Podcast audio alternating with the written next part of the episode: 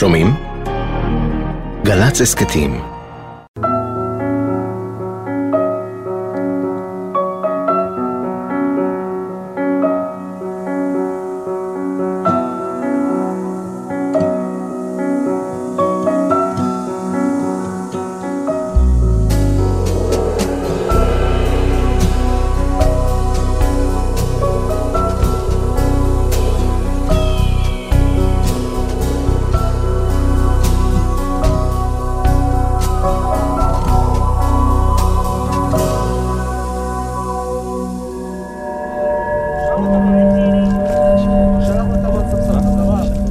השעה הייתה כבר ארבע וחצי אחר הצהריים והשמש התחילה לשקוע מאחורי גבעות האימונים של בה"ד אחת.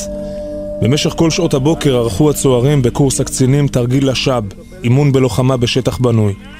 עמדו שם כמה בנייני בטון שסודרו בצורת רחוב, והצוערים היו צריכים להיכנס לכל אחד מהחדרים ולטהר את המקום. דבר ראשון, אה, זורקים רימון לתוך החדר, אחרי שהרימון מתפוצץ נכנס הראשון לצד אחד, ואז uh, השני אמור להיכנס לפינה הרחוקה. זה תרגיל uh, יחסית מסוכן לעומת התרגילים האחרים שמבצעים בחי"ר. התרגיל הסתיים ורוב הצוערים בצוות 11 כבר התחילו להתקדם אל הטיוליות שהמתינו להם כדי להחזיר אותם לבסיס. אבל אז ניגש אבי המפקד אל אחת מקבוצות הצוערים והודיע שנשארה עוד תחמושת ושאפשר לערוך עוד אימון קצר. הוא בחר אה, את החוליה של מוקי. קצת אחרי ארבע וחצי מוקי ושני צוערים נוספים נעמדו בסמוך לקיר החיצוני של חדר התרגולים. המפקד נתן הוראות בשלבים. מוקי, מספר אחת בחוליה, צעק שזיהה את הפתח של החדר. הוא התחיל לראות בבודדת אל תוך המבנה. אבי המפקד צעק למוקי שהוא צריך לקחת את החדר ברימון, כלומר לטהר אותו ברימון רסס. מוקי נכנס אל החדר, נצמד אל השמאל והתחיל לירות. אחר כך נכנס יריב, מספר 2 בחוליה, והתחיל לירות בצרור. בזמן הירי אי אפשר היה לראות שום דבר. החושך כבר ירד ופיצוץ הרימון הרים פיח ואבק. כשהסתיים התרגיל, המפקד קרא לצוערים לצאת החוצה. יריב יצא מיד מהמבנה. כשעברו שניות ארוכות ומוקי לא יצא מהחדר, התחילו המפקד אבי והצוער יריב לצעוק לו. הם נכנסו פנימה והתחילו לחפש, יצאו החוצה כדי לבדוק אם מוקי יצא מהחדר לפני כן, ואז נכנסו שוב, וראו אותו צמוד לדופן השמאלית של החדר, מדמם. המפקד אבי גרר את מוקי החוצה, הסיר את השכפ"ץ שלו, קרע את החולצה שלו, התחיל להנשים אותו, לעשות את ליבו. החובש הגיע במהירות, אחר כך הגיע חובש נוסף, ותוך עשרים דקות הגיע גם אמבולנס מבעד אחת עם רופא.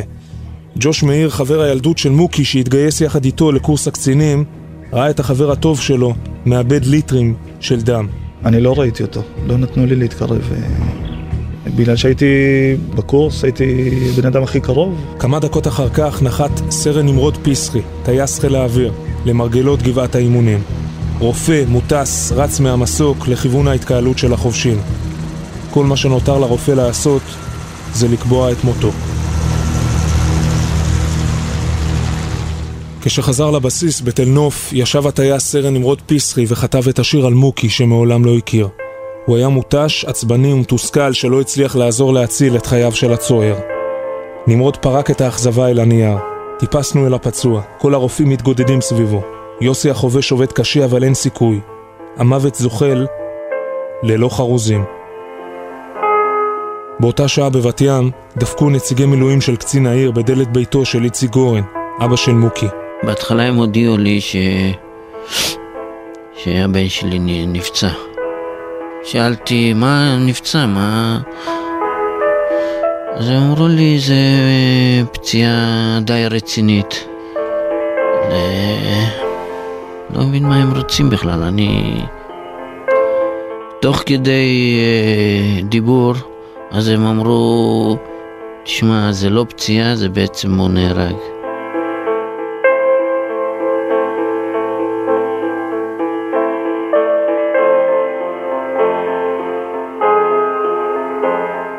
במהלך ימי השבעה הגיעה לבית המשפחה האבלה גם משלחת מקיבוץ יפעת. הקיבוצניקים מיפעת ליוו באותם חודשים את גרעין הנחל של קיבוץ רביד, שאליו השתייך מוקי. היה חשוב להם לבוא ולהשתתף בצער המשפחה. האמת היא שאני לא זוכר, לא, לא זוכר בכלל שראיתי אותו. כי אני הייתי בהלם. בין המנחמים, את אביו של מוקי היה גם אביו של הטייס נמרוד פיסחי, בן קיבוץ יפעת. אביו של טייס חיל האוויר לא ידע אז שבנו היה זה שהגיע לחלץ את מוקי משטח האימונים בוועד אחת. זאת הייתה הפעם הראשונה שבה נפגשו שני האבות. בפעם השנייה נפגשו 16 חודשים יותר מאוחר.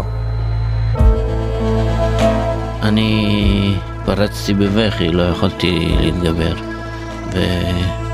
וחיבקתי אותו. בסוף אפריל 90 הגיע אביו של מוקי, איציק, אל השבעה בבית משפחת פיסחי, ביפעת. הוא לא הבין מי אני בכלל, בהתחלה. למרות שהוא היה אצלי בבית, כנראה שהוא לא זכר אותי.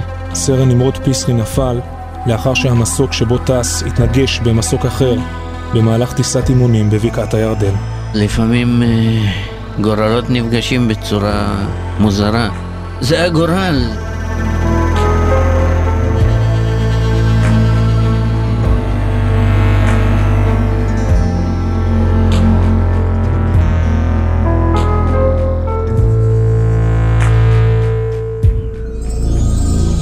סרן נמרוד פיסחי מקיבוץ יפעת, טייס מסוקים בחיל האוויר. נהרג בתאונת אימונים במבוא שילה שבבקעת הירדן ב-23 באפריל 1990, בן 23 במותו. נטמן בבית העלמין בקיבוצו. לאחר מותו של נמרוד נמצאו בין חפציו שירים שכתב. מתוכם בחרה להקת קופסה שחורה לבצע את השיר "היא ואני".